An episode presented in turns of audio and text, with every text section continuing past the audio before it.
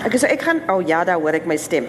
Ehm um, so ba baie welkom julle. Ehm um, dit was vanoggend so 'n bietjie reënerig, so ek lyk soos ek nog in die winter is en Marita lyk vars uit Provence. Ehm um, maar baie welkom. En dis vir my 'n groot eer met Marita te praat vandag is my eerste keer dat ons twee so oor mekaar sit in 'n boekgesprek hè. My eerste ondervinding van Marita was ehm um, Griet skryf 'n sprokie toe ek nog 'n onderwyseres was 110 jaar gelede. Um, en ek het 'n uh, brief geskryf om vir te sê dat dit een van die boeke is wat my lewe soort van heeltemal verander het en hoe ek na die boekwêreld gekyk het. So baie welkom terug um, hier by ons Marita.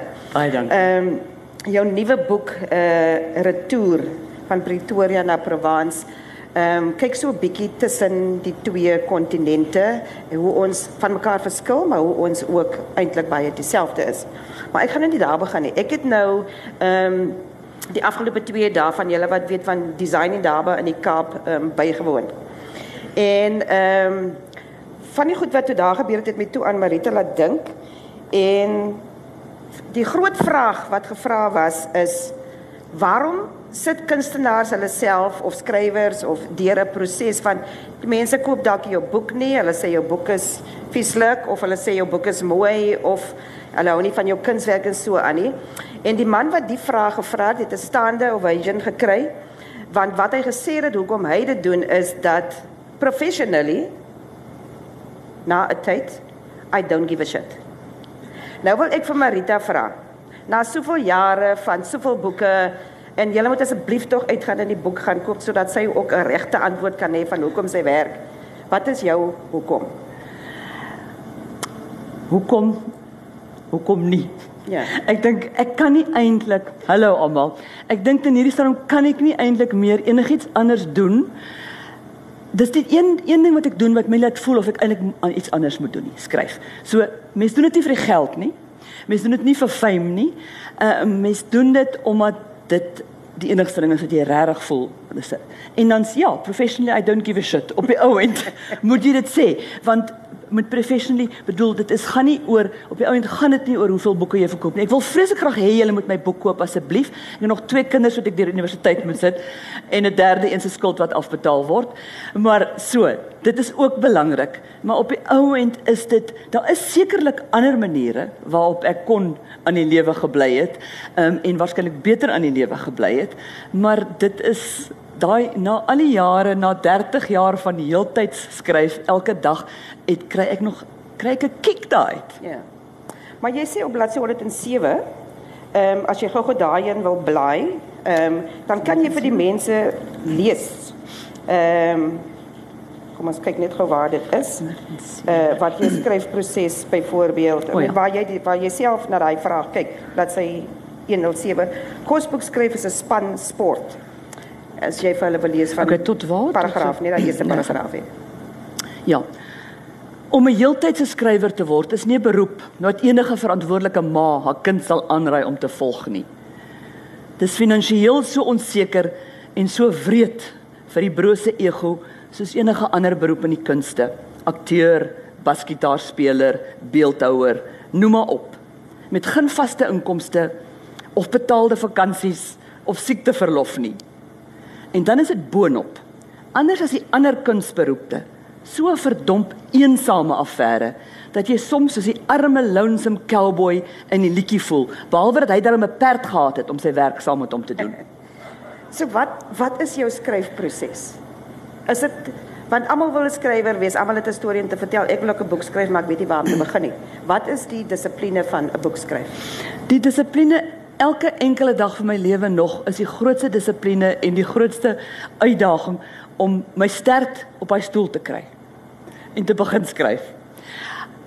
En dit sê ek altyd vir mense as jy waar hoe begin ek 'n boek skryf? Hoe begin jy? Wat dit is gaan sit daar en begin skryf. Hou op verskonings soek want ek soek elke dag verskonings. En ek het dit al gesê, ek sal die kat 3 keer kos gee. Ek sal al die beddens in die huis opmaak wat ek haat.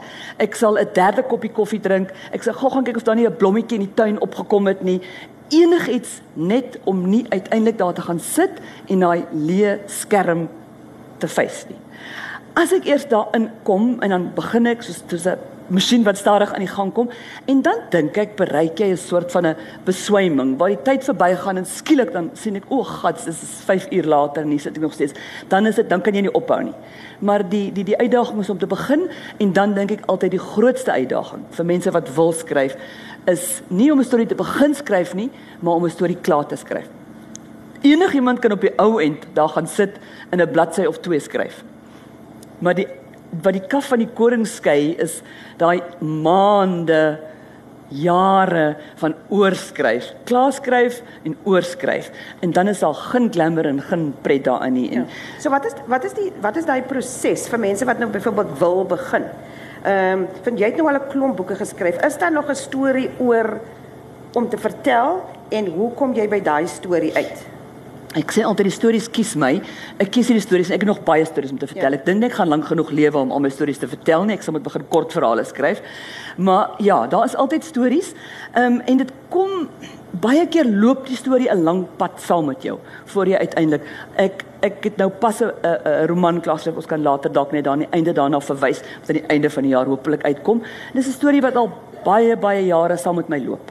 So dit is net die lekker ding van rubrieke skryf of essays of so soos hierdie boek bestaan nou uit rubrieke en essays. Dis 'n lekker manier om die hele tyd aan die gang te bly. Die uitdaging, dis nie daai jare en maande nie. So dit is oefening vir vir die romans en die lang goed wat jy skryf. Jy bly heeltyd aan die gang. En wat hierdie rubriekboek vir my besonder lekker maak en ek hoop vir die lesers ook is dat dit nie 'n rubrieke is wat vir een spesifieke publikasie geskryf is nie. Jy weet van tevore het ek al um 'n rubriekboek van sê maar Sari rubrieke. Ek het voorheen lank vir Sari geskryf, Sari rubrieke. Hierdie is vir 'n klomp verskeidenheid van daar is een wat ek geskryf het vir Minerva se jaarblad, Minerva die koshuis op Stellenbosch. Daar is 'n rubriek wat ek vir tydskrif Platteland geskryf het oor plattelanders. Daar is seker is in Sari, daar's 'n rapport weekliks, daar's vir Stellenbosch Visio, daar's goed op internet vir Litnet. So niemand hier dink ek kan sê o, maar ek het al alles gelees wat hier staan nie. Ek het elke week al jou rubrieke gelees. nie. So dis hier is 'n lekker hutspot, daai mooi Ja. Afrikaanse woord. Ja. Ek ehm um, as ek nou oor die jare na jou boeke ehm um, kyk, speel blou klaarblyklik 'n groot rol ehm um, in in jou persepsie van van die lewe, van hoe jy dit sien. Ehm um, wil jy bietjie daaroor praat want dis ook blou. Ja, ja, ek wonder al die skakerings van blou en ek het ook 'n boek die bloue van onthou en uh, ek het 'n ding oor blou. Dis by verre my gunsteling kleur. Ehm um, my kombuis is so Frida Kahlo blou geverf. Ek het so tussen 'n Griekse blou en 'n so daai Meksikaanse Frida Kahlo blou. Ehm um, ek ek dink ook toe ek klein was, as jy nou teruggaan, hulle sê ons blame the mother, soos my kinders ook eendag gesê. As jy nou teruggaan, ek en my sussie, ons het nou ehm um, nou die dag ou ehm um, wie uit home movies gekyk wat my pa wat ek op 'n DVD laat sit het en my ma het ons altyd sulke eenderse rokkies aangetrek en ek het altyd die blou rokkie gekry. Sy het die pink of die geel rokkie gekry. Maar seker maar omdat my oë blou was, het my ma nou vir my in die ligblou rokkies gesit. So dit kom van daar af. Ek is vandag mal oor blou, my sussie haat pink. So dit het nie altyd gewerk hier met my. Dit was seker maar my kleur. Mm. En ek voel ek dink ook is daai woord blou van dis die blues ook, né? Nee? Ja. En blues musiek is seker een van my gunsteling musieksoorte in die wêreld. Ek dink daar's dit raak iets diep in my baie dieper as my hart. Dit is asof uit my maag raak as ek na blues musiek luister. En en nou woord van blou. Vandag is jy blou. Vandag is jy jy is nie altyd vrolik nie. Ja. Vandag het jy 'n blou dag. Dit is 'n altyd blou dag ehm ja, vandag gekry. Ja. Maar om terug te gaan na die ehm um, na, na die begin van ek was ek was 'n onderwyseres baie baie jare gelede. En ehm um, Marita praat in ehm um, in die in die boek oor haar eerste juffrou. Sy het nie noodwendig van al die juffrouens gehou nie, sy het van baie juffrouens gehou. Ek weet nie of julle van al julle juffrouens gehou het nie, maar ek het ook nie van hulle almal gehou nie. Ehm um, en dan het, dan sê jy byvoorbeeld van ehm um, dat sy vir jou die letters gegee het om jou naam te skryf en om die wêreld mee te verstaan. Ehm um, en dat die letters die padkaart van jou lewe geword het. Dit is nogal 'n profound insight ehm um, om te maak. Ja. Ehm um, dat dat dit is hoe 'n mens se proses verloop. Vertel 'n bietjie van die van van, van die juffrou juffrou ja. Hanne kom. Ehm um, ek het letterlik en ek het in Pretoria gesit en boeke geteken na 'n boekpraatjie en toe staan daar ouer so sagte stem wat vir my sê Hallo, jy sal my seker nie meer onthou nie, so mooi gemodelleerde stem. En ek kry dikwels so mense sê dit dikwels van gewoonlik slaan ek in blou sweet uit want baie keer is dit mense uit jou lewe wat jy nie noodwendig meer onthou nie. Maar toe sy dit sê en ek kyk op, toe sien ek my sap A juffrou 1000 jaar gelede. Sy het spierwit grys geword intussen, maar sy's nog steeds so so 'n statige regop vrou met hierdie sagte stem.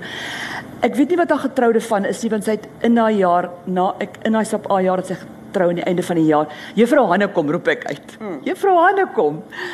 En ek het 'n 'n um, 'n storie daaroor geskryf want sy was een van die miskien baie ander juffrouens wat ek vergeet.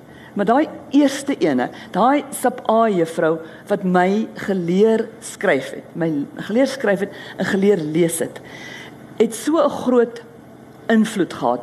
En om haar baie jare later staan hierdie vrou voor my en sy sê sy volg my beroep nou al al die jare. Ehm um, en ek dink maar dis sy wat my geleer het om daai letters te skryf. En hier gee sy vir my 'n boek om te teken wat ek nou my naam op staan en daar kan ek nou in my groot mens skryf groot groot mens skrif skryf Marita van der Vyver. Mm. so sy my geleer het al die jare terug en dit was so 'n groot geskenk. En en dat ek die lekker ding daarna stories is altyd sterkies ek skryf toe in Sari 'n rubriek oor om vir juffrou Hanne kom dankie te sê. Ek noem maar net juffrou Hanne kom want ek weet nie wat haar getroude van is nie. En 'n maand lank daarna, miskien 'n jaar later, want sy is toe nie 'n Sari leser nie en niemand anders weet na wie ek verwys nie. Het iemand het sy in 'n dokter se spreekkamer gesit en deur 'n tydskrif geblaai en toe sien sy die storie en toe weet sy dit is ek en toe sy my gekontak om ja. te sê baie baie dankie dat ek hierdie storieetjie geskryf het oor my eerste juffrou wat my geleer het. Ja, my juffrouens, jy was blykbaar ook 'n goeie juffrou, het ek al by van jou ex leerlinge gehoor. Ehm ek sal maar niks sê ja, nie. Nee nee nee, hulle het sonder gesê dat jy nie by was nie. Die meeste van my onderwysers op skool wil ek eintlik nie onthou nie. Ehm maar daar's 'n paar wat dink my lewe verander het. Groot invloed uh, ja. gehad het. Maar jy was ook 'n koshuiskind. Ek was ook 'n koshuiskind. Ehm um, jy het later as ek koshuis toe gegaan. Ek het van standaard 7 af, toe ons nog van standaards gepraat het. Ja. Ehm um, het ek koshuis toe gegaan. Jy het baie later gegaan. Ehm um, maar jy was nie 'n koshuiskind nie want jy was 'n outlier. Ja, ja. Uh uh daai wegleoners. Ja. nie 'n verfwonder nie. Ehm um, ek het net eers ek gedink dis omdat ek te laat in die koshuis beland het. Want op 16 my laaste twee skooljare op 'n plattelandse koshuis te beland het was 'n Nelspruit waar ek eintlik myself gesien het in 'n stad. Never mind Pretoria ek het myself in Parys gesien. Parys Frankryk nie Parys Vrystaat nie. Ehm um, en ek het gedink ek is so cool en so en ek wou dit was aaklig geweest. So skielik as ek in 'n baie baie uh was jy nie die cool kid nie? Soos nou nie ek wou die cool kid wees. En ek dink ek wou daar's mos altyd 'n groep meisies in die skool waar jy mee wil maats wees. En ek ehm um, ek dink ek het myself soms verraai. Ek het wel in die regte groep beland. Ehm um, maar jy weet mense sou almal sou van 'n boek hou. Ehm um, en dan dink ek ag maar dis nog so ek hou nie daarvan nie. Dan maak ek of ek van die boek hou. Jy weet dan is dit so 'n simpel liefdesverhaal, mos 'n boons tipe boekie. Dan maak ek of ek van die boek hou want as ek nou sê dis 'n simpel boek, gaan hulle nie met nie met my wil maats wees nie. So ek dink ek het myself verraai om een van die cool girls te probeer wees. En ek dink ek het dit so by the skin of my teeth reg gekry. Ehm um, ek dink my eie dogter se generasie is baie baie meer baie wyser. Ehm um, een van die dinge wat ek van my eie dogter bewonder, sy het nou pas 19 geword, is dat sy het op hoërskool al dit goed uitgekyk hierdie ding en gesien, okay, daar's die cool kids. baie van hulle jare later verdwyn, né? Verdwyn van die scene af. Mm. Die mense wat voortbestaan is baie keer die, die odd ones out die kunstenaars, die gays, die vet kinders, die die die kinders wat so bietjie anders is, nie die wat noodwendig goed is in sport nie. En sy het besluit The Perks of Being a Wallflower, daar's 'n wonderlike boek vir jong yeah. Ja. mense daaroor. My dogter besluit I want to be a wallflower. Daar is die en ek het haar so bewonder want ek het nie die guts gehad op haar ouderdom om dit te doen nie. En dit is tog maar eintlik nou as ek terugkyk, die mense wat ek onthou van skool af, was die was die odd ones odd out. Was yeah. Ja. daai wat na die tyd yeah. Ja. miskien iets anders gedoen het met hulle lewe wat jy nie op skool noodwendig kan sien hulle gaan die groot suksesse word nie. Maar Pink Floyd het ook 'n groot rol gespeel in ehm um, hoe jy jou kos 6 jaar ervaar het. Ja. The dark side of the moon. daai, daai, was 'n plot. Ehm um, ons terug by blou. Ek het my kamermure middernagblou geverf. Ek wou swart kamermure gehad. Ek was 'n goth voor haar die naam bestaan het van goths. Ehm um, toe sê my pa oor sy dooie liggaam gaan sy kind is in swart kamer aan mure swart verf. Toe dog ek so naas moontlik kry ek middernagblou. Verf ek my kamermure middernagblou en dan naweke as ek nou uit die koshuis kan ontsnap dan het ek so eindeloos na Pink Floyd se Dark Side of the Moon ge, ge, gelen luister.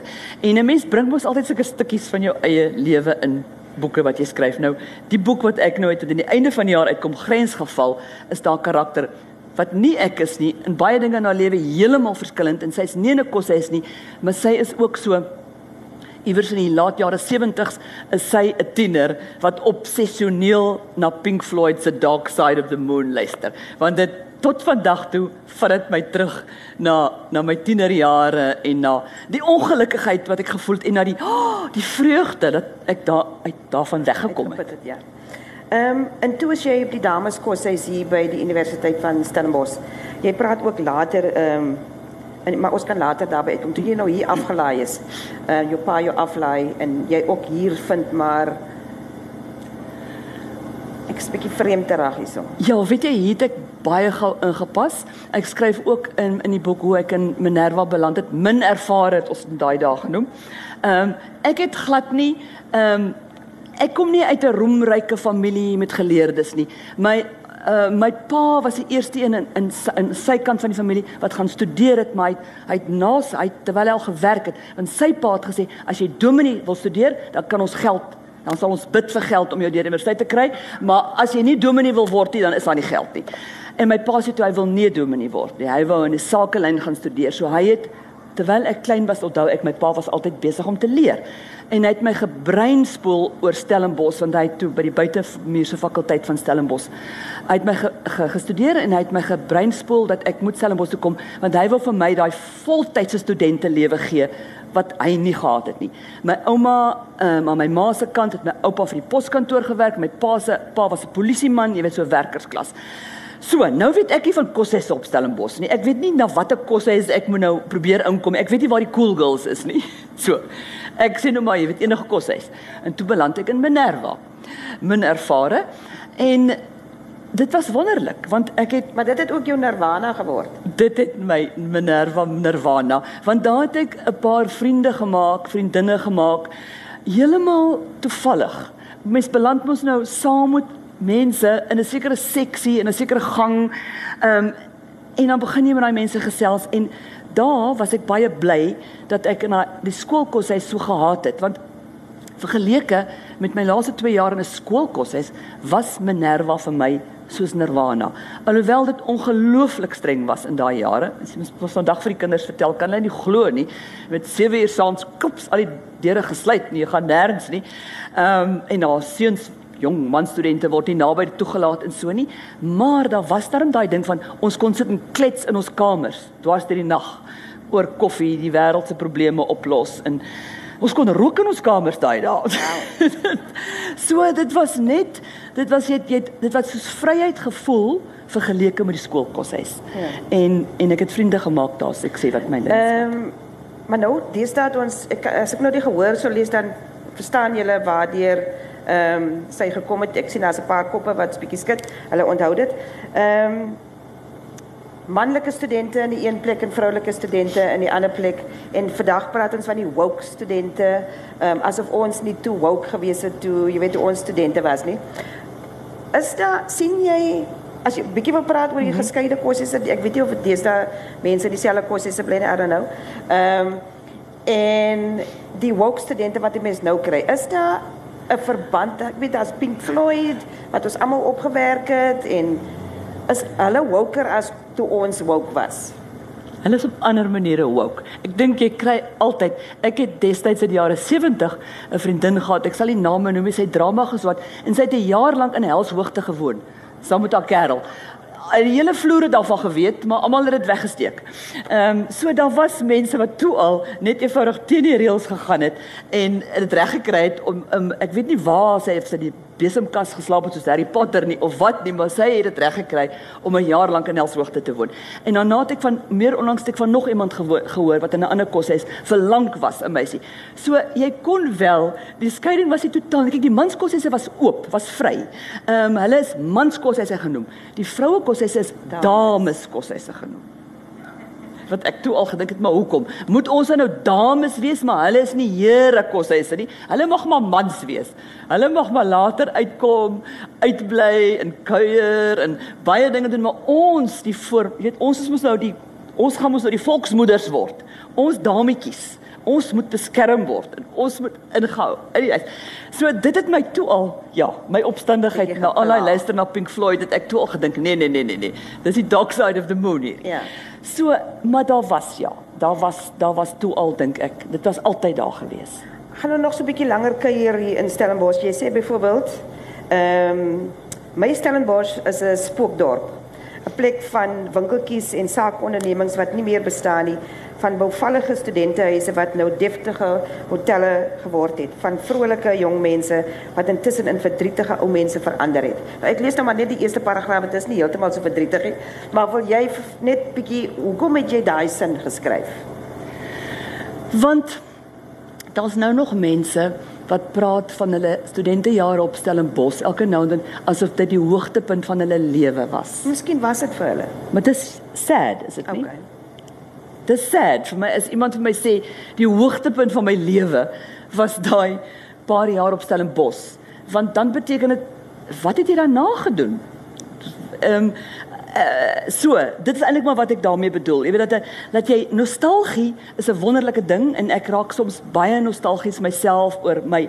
Maar nostalgie is 'n lekker dis 'n lekker sagte kussing, maar nostalgie kan ook 'n kussing wees waarmee jy jouself versmoor ehm um, dat jy nie sien wat om jou aangaan nie, dat jy nie waardeer wat jy nou het nie, dat jy net terughanker die hele tyd. Nou, so ek sê altyd ons moet versigtig wees as jy te veel nostalgie het nie. En dit is eintlik wat ek bedoel met die verdrietige ou mense. Okay. Wat jy sal sê dis die beste tyd van hulle lewe. Dan dink jy, ag nee, dan moes op iets lekker daarna gebeur het, reg? Die eerste eh, plek waar jy kaaskoek geëet het. In die spur. Nee, ek het ek het it was love at first sight. Ek het 'n waitress geword by die spur net om die kaaskoek te proe. ek het vir net slices kaaskoek gekry. So dit het ja. daarom dit het um, Ja, ek was ek was 'n baie slegte waitress geweest. Ehm um, ehm um, maar in daardie dae ja, ja, mens moes maar ek moes maar ook werk om aan die aan die te help okay. myself die universiteit te help. Maar jy het ook ehm um, het jy vriende gebly met van die mense wat op universiteit saam met jou was? Ja, ja, Want nee. vriendinne in jou lewe is 'n belangrike ja, faktor. Ja. 'n Hele paar ehm um, ek was nou pas ehm um, uh 3 dae in die Weskus deurgebring um in 'n vriendin in 'n universiteitsvriendin eerste jaar kamermaat Paula um se se huisie in die Weskus. So ja en dan veral in my journalistiek jaar. Ek het begin journalistiek swat hier. Ons hou môre ons 40 jaar reunie. Dis die eerste keer dat ons almal, wel, party van ons het vriende gebly, maar ons is oral oor die wêreld versprei en môre hier by Krouseerstraat se journalistiek departement hou ons reunie. Ons het ek dink daar's omtrent 16 of 17 van die oorspronklike groepie van 20 want in 79 ehm um, journalistiek geswat het Joneers dit is toe ja. net begin. Dit die vorige jaar het dit begin. Ons is die tweede groep ooit ja. onder Piet Silje. En dit is so ek sien byvoorbeeld uit daarna.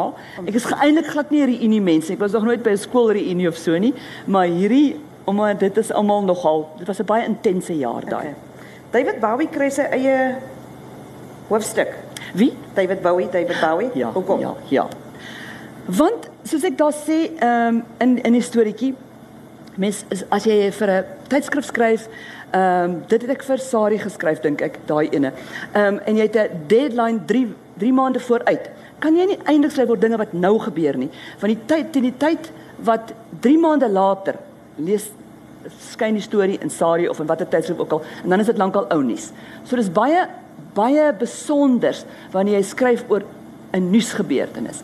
Maar toe David Bowie dood is, het ek gevoel dit is besonder genoeg dat ek iets wil skryf oor sy dood wat al is dit 3 maande later eers in die tydskrif dat dit nog steeds hopelik geldig sal wees want ons is terug by daai outsiders. Ja. Yeah. David Bowie het ek ek dink dit was van dit 7 graad 9 nou, né? Ehm um, daai Ziggy Stardust, daai plaat met die zap sign en die oranje hare, het ek daai plaat gekoop. En ek het daarna geluister en dit het my brein oopgeblaas. Hier hier is ek dit nou daai gevoel van jy's 'n bietjie anders, jy probeer baie hard om soos al die ander mense om jou te wees, maar hier is 'n ou hy trek vroue klere aan. Dit was so gat soos deesdae waar al die mans en vroue heeltemal die mekaar aantrek en make-up en so nie. Jy weet, ehm um, en hy het hierdie oranje hare en hy sê hy kom van Mars af, the spiders from Mars. En dit was net vir my wow, jy weet, so dis daai eerste les van dis oukei okay om anders te wees en ek het hom bly volg deur my lewe, deur al sy gedaante verwisselinge. Die ander les wat ek by David Bowie geleer het is hy hy het homself hernie. Hy het nooit vasgehak in daai oranje hare met die zap sign nie. Hy het homself almekaar bly hernie en nie hernie om ander mense te volg nie. He was always a trendsetter. Hy het altyd en dit was vir my ook 'n les gewees dat 'n mens moet jy moet jouself en jy moet jouself aanhou uitdaag. As dit jou bang maak, gaan daar so. Daar's en dis eintlik wat ek toe daarby wou inbring by daai by daai stukkie wat ek oor hom geskryf het. En weer eens hoe selfs my dogter voor sy dood ehm um, na Bowie begin luister het. En toe hy nou die aand na sy dood toe kan ons nou ek en my dogter saam ground control to major Tom vir mekaar sing. En toe dink ek ja. 'n Maas mos maar 'n kind se ground control. Ja. En sy's nou major Tom. Sy gaan sy gaan nou oral daar staan in die wye wêreld wees en, en ja. ek is die ground control. Ja. Dan is daar ook 'n hoofstuk, ek weet jy hou nie baie van motors nie. Jou kar is ou soos die berge. Ehm um, jou man se kar is nog ouer. Jou kind se kar het vir hoe lank gestaan? Ehm um, en jy moes belasting daarvoor betaal. Uh, maar jy het uh, die langste hoofstuk hierin gaan oor karre. Ja. Die karre van my jong dae. Ja.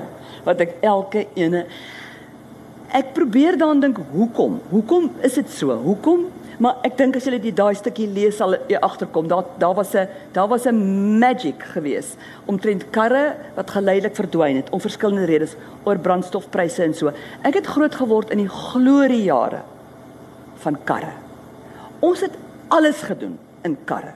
Ons het geëet, ons het gefliek, ons het gevry, ons het karre. Dit was daarin het jy gelewe. So ek skryf daar oor die drive-in op Saterdag aande en die die die die inry kafee, die dromedaris hierso in in Voortrekker weg. Ehm um, En so nou en dan as my my pa nou 'n baie goeie by was. Dit was vir ons die grootste treat op aarde dat ons nou hierdie Amerikaanse hamburgers hot dogs kan gaan eet. Tomaties. Ehm um, tomaties, baie tomaties en nie mosterd nie. Ehm um, en so daai daai hele magic en ons het petrol was goedkoop. So ons het elke Sondag uitstappies gevat. Oral oor die Kaap gery. Um, maar jy het ook um, gery sonder om te stop en oor te slaap 'n nag want jy kon direk na jou bestemming toe ry. Ja, ja, jy het ons het in karre toe ons nou later in die hoërskooljare in die eers in Pretoria en toe in die Laagveld beland, want ons dan ons met die karre so in 'n konvooi gery. Ehm um, vinnig, spoed, spoed, spoed. En toe hier so laat 70s toe kom word petrol skaars en dinge begin verander. En toe dis dalk heeltemal toevallig. Maar toe begin toe kom ek universiteit toe en my ek het een vriend op universiteit gehad wat so 'n geel Karmangia karretjie gehad het. Dis die laaste kar wat ek onthou wat enigiemand mee uitgegaan het. So Karmangia, so dit was so 'n Italiaanse geel karretjie gewees, so ou ene. En daarna het nou deesdae sê ek vir my kinders, watter kar het iemand gery? Ag so 'n ronde rooi karretjie. Of so so 'n lang plat wit kar. Kan die kleur onthou en ek kan die vorm onthou, maar daarna kan ek nie eintlik nie. So om 'n Uber te bestel is nogal vir my probleem, want hulle sê nie die kleur van die Uber nie. Hulle hulle sê hulle sê wat 'n soort kar dit is en ek ken nie 'n kar uit nie. En dan moet jy kyk na die nommerplaat en soos mense oë nou ook nie altyd so goed raak nie, raak dit ook moeiliker om die nommerplaat raak te sien. Ek wens hulle wil net by die Ubers mense sê die kleur van die kar. Maar jy kan dit sien op die app. Nee, nee, nee, dit is al prentjie by my. Ek sal al die drywer se gesig. Ja, nee, nee, okay. Ek sal nou kyk want ek laat ons gaan net 'n bietjie by die tegnologie uitkom. Ehm um, Interessant, nee, maar Marita is 3 jaar ouer as ek. Ehm um, maar ons dit lyk asof ons lewens apart gehardloop het, maar dieselfde ervarings gehad het. Want ek onthou ook die inry teater maar met ons het mos nou in die julle die ander kant aan die ander kant gesit, ja. Ehm um, in die, in die inry teater, maar dieselfde ervaring die die, die dieselfde flieks gekyk. En dan dan dan dan sê jy iets wat my in my het daar nou iets geskree. Ehm um, in my hart geskop het byvoorbeeld dat honde en die Huisel. en die huishulp Ja. Toe ons Kaap toe, daarvan was. Ja, toe ons Kaap toe gery het, ehm um, nou toe ons nou toe ons nou moes begin stadiger ry en oorslaap van Pretoria af Kaap toe vir die seevakansie. Toe het ons huishulp saamgekom en en die hond. En toe kom ek vir die eerste keer agter dat die huishulp en die hond mag nie in die hotel, mag nie in die hotelkamer slaap nie. Hulle moet in 'n ander buitekamer of iets slaap, want die hond is nie in die kar gebly. En dit is die begin van daai wat jy dan vra. Dis net so iets vra ontstaan in 'n kind se kop van hoekom nie? Wat gaan dan nie aan? Hoekom jy kan nog die hond verstaan, maar die huishulp, Dolly Titus was deel van ons huis gewees. Sy moet in 'n ander deel van die kamer slaap. Soos wat jy natuurlik baie gehad het met in 'n ander deel van die fliek sit en so. Ja. So dis daai dinge wat begin. En om in een trip af Kaap toe. En dan kom maar, nee, dan kom Ja. maar nog vra en nog vra in Maar jou kop. maar jou jou pa, ons wil nou nie vir julle alles weggee nie, maar jou pa ehm um, en die ehm um, ek dink die Mercedes Benz wat hy um, Ja, uiteindelik ja. gekoop het, is 'n baie mooi storie. Sad, maar mooi. My pa se droomkar was die Mercedes, met so rooi Mercedes Sport. Wat hy na al die karre wat ons nou al die jare gehad het en ek onthou ek sê ek onthou letterlik elke een die kleur, die maak, daar was 'n groen ehm um, Capri, Ford Capri, daar was die geel Volkswagen Kewer met die rooi streep, daar was 'n so stofbruin Opelstasie waar ek onthou hulle almal tot die swart Valiant toe hy by Trustbank gewerk het. Uiteindelik einde hoërskoolloopbaan het pa nou my pa was so woekeraar eintlik 'n cowboy hy het baie keer baie geld gehad baie keer niks geld gehad nie. So dat dit die die familie se se se se se situasie het so op en af gegaan. Maar toe het pa nou geld gemaak met iets een of ander skiem wat hy gehad het daar in die Laagveld. En toe kan hy nou vir hom 'n 'n rooi Mercedes sport koop sy droomkar En toe is hy so beïndruk met hierdie kar, maar my pa het gejaag. Hy het nie baie baie baie vinnig gejaag en ek dink hy was besig om na 'n tyd te kyk. Uh was 'n bergpas gewees daar in die Laagveld en daar voeter pa en sy Mercedes teen die berg af. Ehm um, hy het niks oorgekom nie. Die kar is afgeskryf. Maar hy het niks oorgekom nie. En kort daarna het die petrolpryse so duur geword dat ons in elk geval nooit meer sulke grand karre gehad het nie en ek dink my pa het weer bankrot gespeel so ons het nie ge- geld gehad om 'n grand kar te hê nie. Maar daai daai daai ding van toe, daai daar afval. Ek het ongelukke gehad in 'n kar. My kerel het 'n kombi gerol met my en my sussie in want ons het sonder lisensies rondgejaag van 16 af. Ehm um, ek het 'n oranje bakkie gerol. Ehm um, nooit enigiets oorgekom nie. En dit is hoekom ek sê dis asof daar so magiese iets was wat ons beskerm het in hierdie hierdie aura van karre, die goedkoop petrol, die jaag heen en weer. Mense het gedrink en gery. Dit was Wow. ongelooflik geweest. Niemand het daaraan gedink dat jy moenie ry as jy jy moenie bestuur as jy as jy 'n paar doppe in het nie. Dit was En tog het die meeste van ons toe daarna, toe petrol begin, ons begin stadiger ry, petrol raak duurder. In die 80s onthou ek toe ek 'n jong joernalis was, is die eerste van my vriende in 'n motorongeluk dood, 'n kollega eintlik, nie 'n vriend nie. En toe het dit begin toe daai magie begin verdwyn. Mense is begin doodgaan in motorongelukke, wat ek van weet, maar dit het nie gebeur in daai jare wat ek onthou as hierdie wonderlike gloriejare Ja. van die kar nie. Maar as ons nou 'n bietjie kyk na die titel, Retour, ehm um, Pretoria, Provence, ehm um, weet nou nie of ek kan sê dat jy pendel tussen die twee oor die afgelope 20 jaar nie. Ehm um, maar, maar in Suid-Afrika, Suid-Afrikaners, ons, ons gaan oor see want ons kan dit nie meer hier uithou nie want die krag word afgeslaan, daar's nie water nie, daar steel hulle nog geld, daar's gate in die paaie. Is dit anders in Europa? Daar's ander, dis anders en is eners. De dis daar's ander dinge om oor te kla, maar daar gaan altyd iets om oor te kla en kyk, die Franse kan kla. En die Franse kan staak. En, en dan raak ek altyd so vies as mense vir my sê as ek kla oor die Franse staking sê hulle ag maar hier by ons jy moet sien hoe gaan dit hier. Dan sê ek nee ek sien hoe gaan dit hier. Ek kom gereeld genoeg hiernatoe om te sien hoe dit hier gestaak word. Maar ek beloof julle in Frankryk is daar elke enkele dag iemand wat staak. Dit is of 'n groot groep mense. Ons het nou al vir maande lank die hierdie geel baadjie beweging. Ehm um, yellow vest ehm um, maar mens onthou ek dink staak is Wat uit wat is die Yellow West? Ehm um, dit is 'n oef, dis 'n daaroor kan ons hele tyd praat. Net vinnig, ons moes daar's baie reëls in Frankryk, né? So ons moes um, almal 'n paar jaar terug was almal moet in 'n kar moet jy so geel 'n uh, uh, glaring veiligheidsbandjie dra. Dit moet sigbaar wees in jou kar sodat as jou kar nou nou uh as jy iets oorkom langs die pad, dan moet jy nou die bandjie uittrek. Dis so. Dis die nanny state ook seker maar 'n paar jaar van tevore was dit daai driehoek wat almal in hulle karre moes gehad het. Dan ja. jaag almal dan jy koop die driehoek. So die geel baadjie moet jy in jou kar hê. Maar toe besluit die regering baie prysenswaardig om petrol duurder te maak as 'n ekologiese maatreël wat jy heeltemal kan verstaan en wil mense veral in die stede aanmoedig om openbare vervoer te gebruik en so. Maar hulle vergeet van die plattelanders en die mense wat dan nie openbare vervoer is nie. Ek woon mos op die platteland. Ehm um, en die mense moet moet hulle motors heen en weer ry. En dis toe net so van die laaste strooi. Daar is 'n algemene 'n algemene ontevredenheid dat die mense in die hele land voel Parys verstaan nie. Daar en en vir al die politicians, wat jy maar in lande oral, die politicians verstaan nie meer hoe die regte mense lewe nie. So dit en dit het opgeborrel in hierdie beweging ehm um, Gilets jaunes. So almal het hierdie gilets aangetrek, die geel baadjies wat in elk geval ons almal in elk geval ons kar het en padversperrings gemaak en elke Saterdag in Parys nou al vir maande lank en dit was woes geweest daar ehm um, uh, hier by Desember rond is daar die die is daar winkels gebreek, vensters gebreek, mense seer gemaak, gespuit met traangas. Dit gaan nog steeds aan. Ehm um, dis nou kalmeer en dit is ook in sekere ander groot stede. Maar ja, so daar is Die Franse het staak uitgedink. Hulle het hulle koning se kop afgekap um, in 1789. So ehm um, jy moenie aan hulle verkeerde kant kom nie. Maar ek weet, mens kla nie met die wit brood onder die arm. Arm dit sê ek ook. So jy kla oor ander dinge as hier.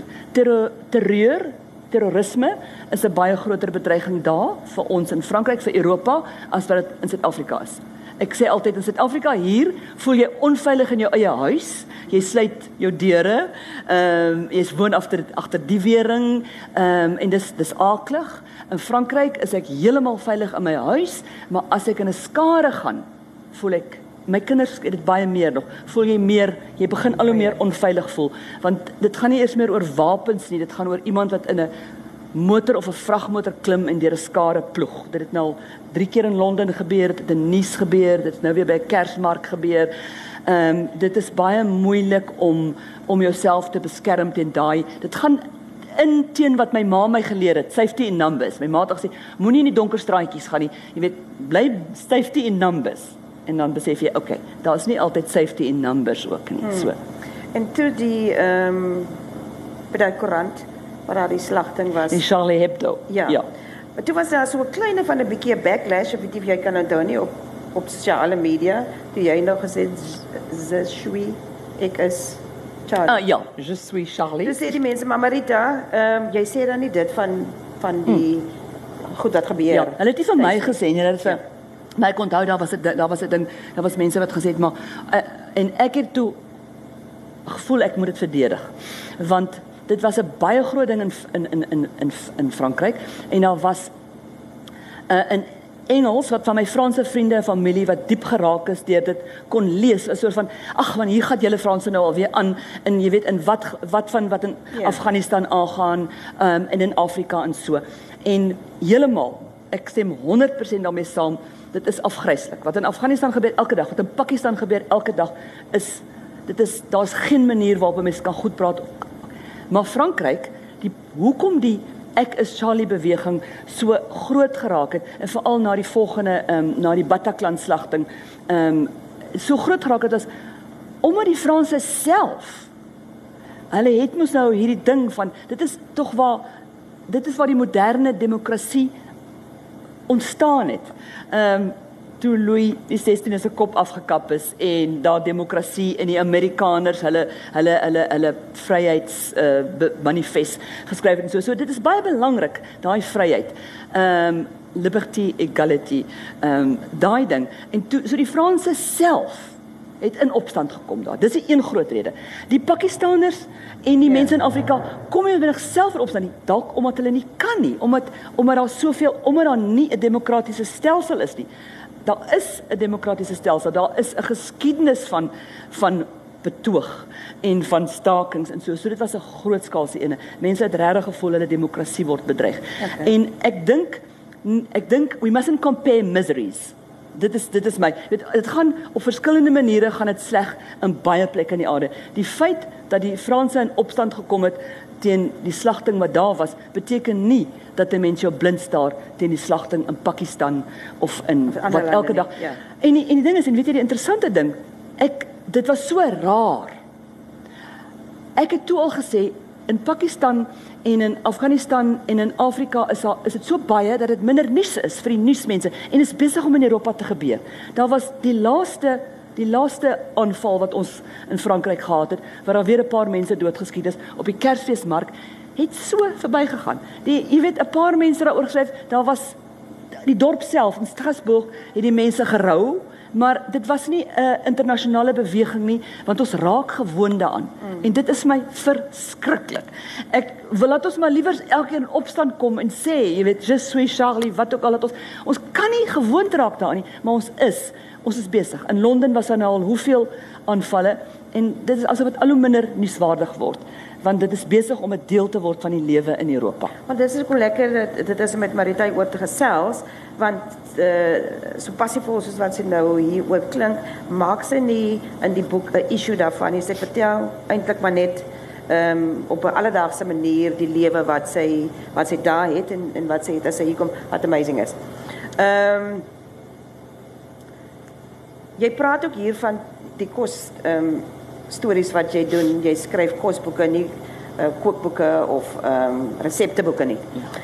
En jy praat ook van die arrogansie van die Franse dat jy weet hulle was toe opgeneem en ek weet nie wat se boek ehm um, die hulle uh, iets wat hulle doen wat opgeneem is in een of ander kulinaire boek.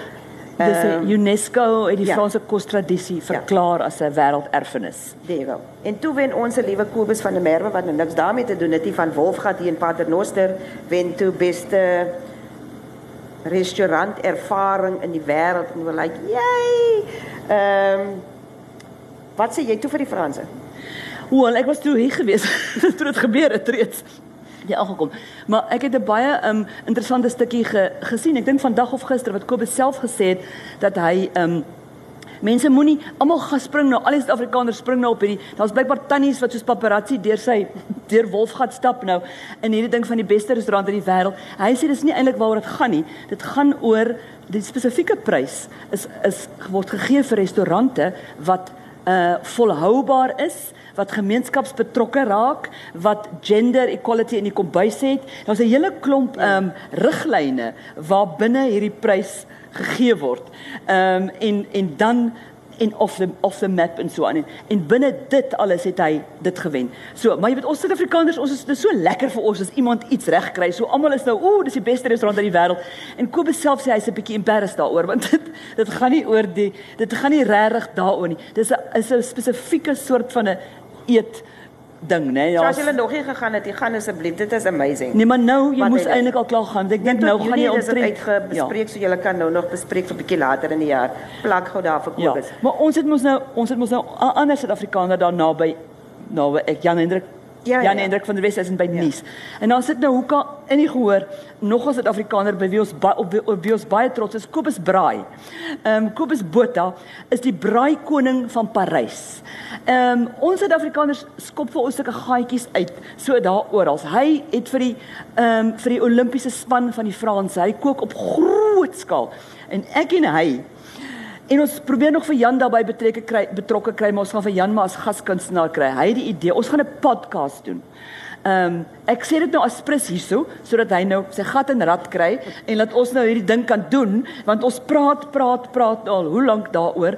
Ehm um, en ek is te tegnologies gestrem. So hy moet my verduidelik hoe die mikrofoontjies en al die goeders werk en ons het nou al sulke test drives gehad. Ehm um, maar ek het dit nou al aangekondig op sosiale media en dan vra mense my wel wanneer begin julle podcast? Ons gaan sommer net praat oor boeke en skryf en kos en die lewe in Frankryk en so, but watch this space. So as jy gaan vir ons Ja, en dan dan gaan hy ja, bietjie want hulle is hy is baie hy is baie involved met kos en en dan gaan ons met gas gas kunstenaars probeer bykry. Hou jy meer van kos skryf as van stories skryf of is dit maar dieselfde ding? Nee nee, dis nie dieselfde nie. Stories skryf is daai alleen sport wat ek daar sê. Ehm um, hoekom ek daai stukkie wat ek net al gelees het spesifiek geskryf het na ek aan twee kosboeke gewerk het. Was dit so lekker. Want dit was soos 'n spansport in vergelyking met alleen om die wêreld in 'n in 'n bootjie om die wêreld vaar. Want as jy 'n roman skryf, is jy vir maande, weke, maande, jare alleen. Stok stil alleen. Jy kan nie praat met enigiemand oor wat jy besig om te doen nie want dit bestaan nog net in jou eie kop.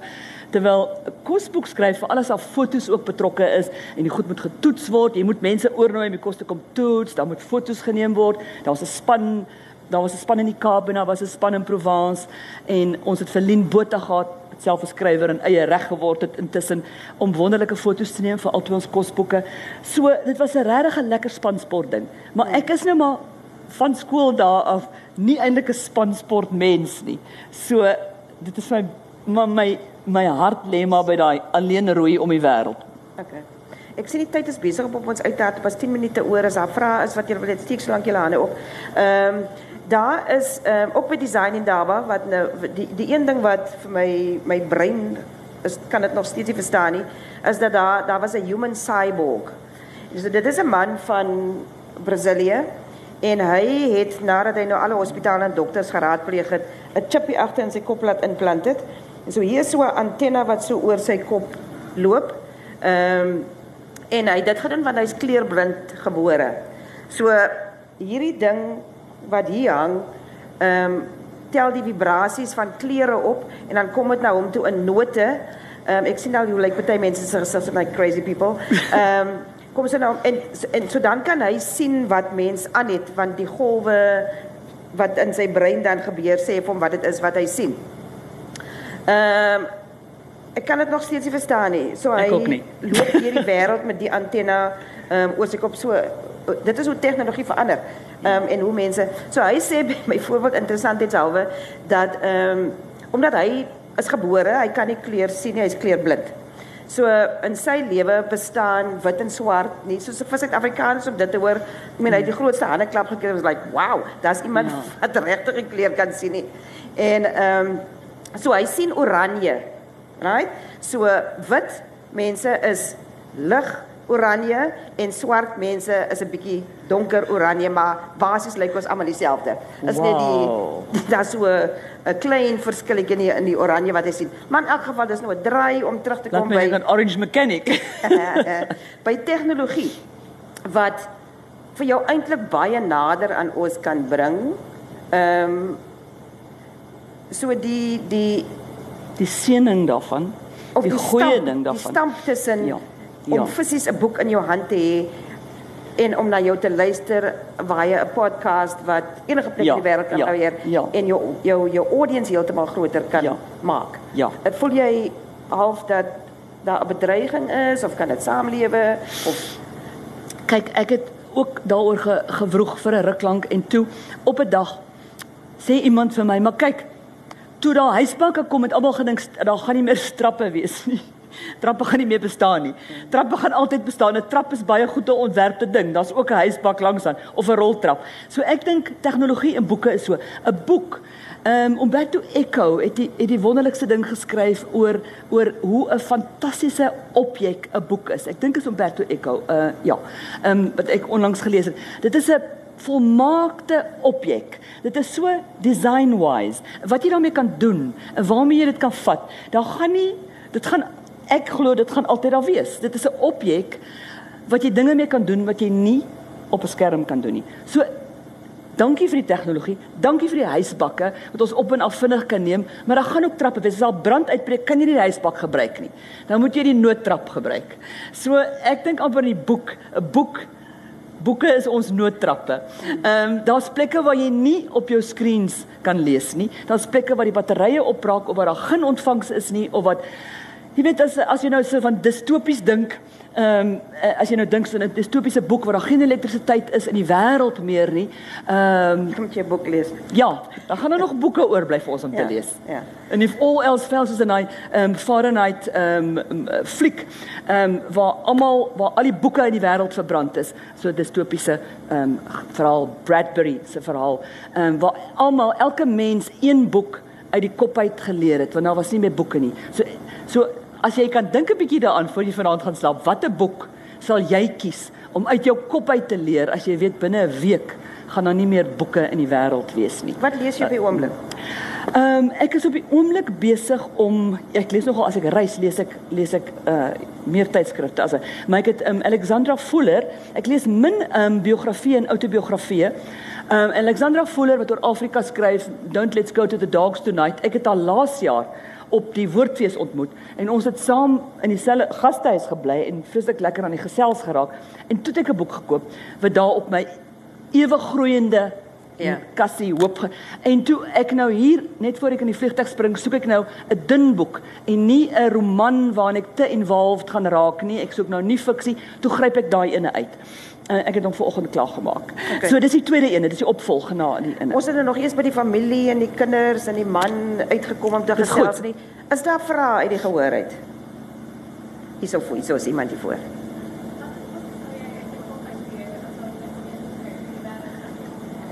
Watter boek sal ek uit my kop uit terwyl ek nou die vraag vir julle vra dink ek ek weet nie want dit dit verskil vir my van dag tot dag.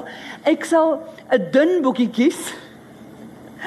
Maar ek dink ek het nou onlangs 'n uh, skrywer uh, Deborah Levy Levi ontdek. Um, en sy het 'n boekie um uh, things I don't want to know things I don't want to know oor 'n uh, vroue oor hoe sy sy het in Suid-Afrika groot geword.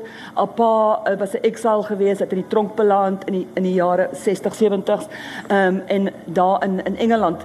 Um en sy het 'n fiksieskrywer geword maar sy het sy's besig met 'n so autobiografie dis fantasties geskryf oor hoe dit is om nou 'n vroue skrywer te wees Sy antwoord vir George Orwell, hy het 'n famous wow. why I write en sy antwoord hom uit 'n uit die oogpunt van 'n vrou, 'n ma met kinders en en en wat dit is om in daai boekie, jy weet, things I don't want to know. Dink ek sal ek nogal uit my kop verleer. As ek nie Shakespeare kan leer nie, want dis my eintlik is al Shakespeare se werke, maar my brein is nie groot genoeg daarvoor nie. Is daar nog ander vrae? Daar's nog iemand hierso. Daar daar kom 'n mikrofoon.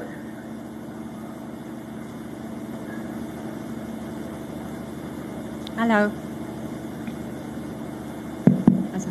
Ehm um, ek wil net weet in in 'n tyd wat ons lewe waar so baie mense veg vir die voortbestaan van Afrikaans en suiwer Afrikaans. Ehm um, as jy skryf baie keer want ons almal gooi Engelse woorde tussenin en ek vind myself dat ek baie keer eerder aan 'n Engelse woord dink as 'n Afrikaanse woord. Ehm um, gebeur dit met jou ook dat jy skryf en dan dink jy eers aan 'n Engelse woord en jy kan nie op die Afrikaanse woord kom nie?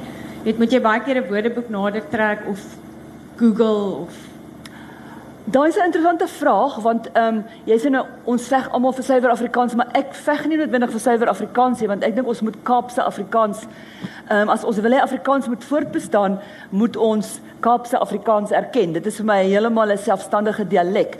Ehm um,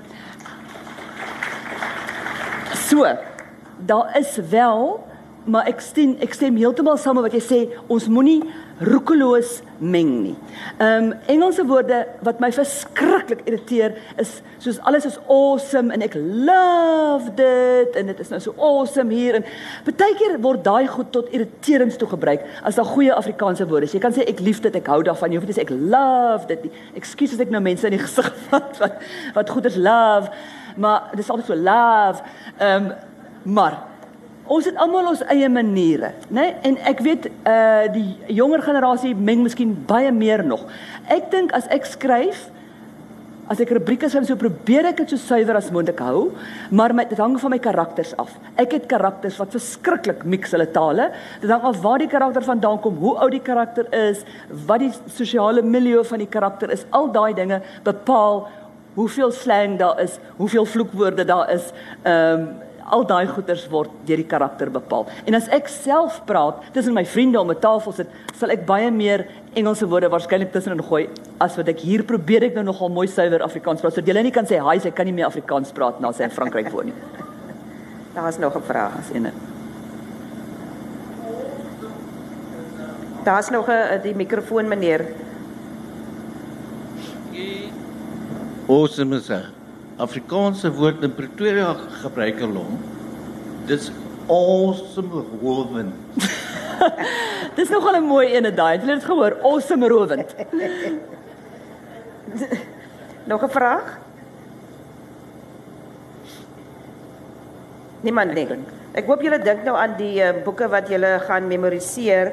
Ehm um, as daar binne die volgende 2 weke nie meer boeke sal, dus ek kan glad nie aan een. Ek hoop iemand sal een van my boeke memoriseer. Ja, die een is dun ons kan. ja, hy sê of een storie daarin. Ja. En dit dit kan ook op die vliegtuig gaan as hulle gaan reis om te gaan kyk daar. Want dis jy kan dit lees teen die tyd Ja. wat jy land as jy klaar. Ehm um, as daar geen vrae meer is nie, maar Marita, dit was vir my heerlik. Ek meen ons kan nog aangaan tot wanneer toe want ons nog nie eens by die familie sake uitgekom nie. Ehm um, ek hoop julle gaan uit en julle koop um, die boek.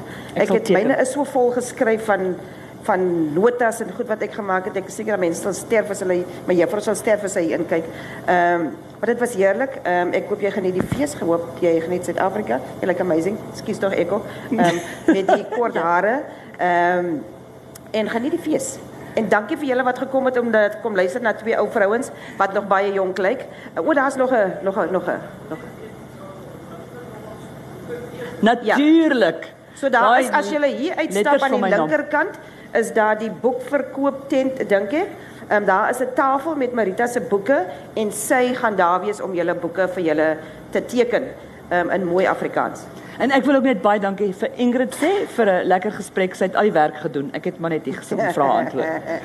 Dankie julle.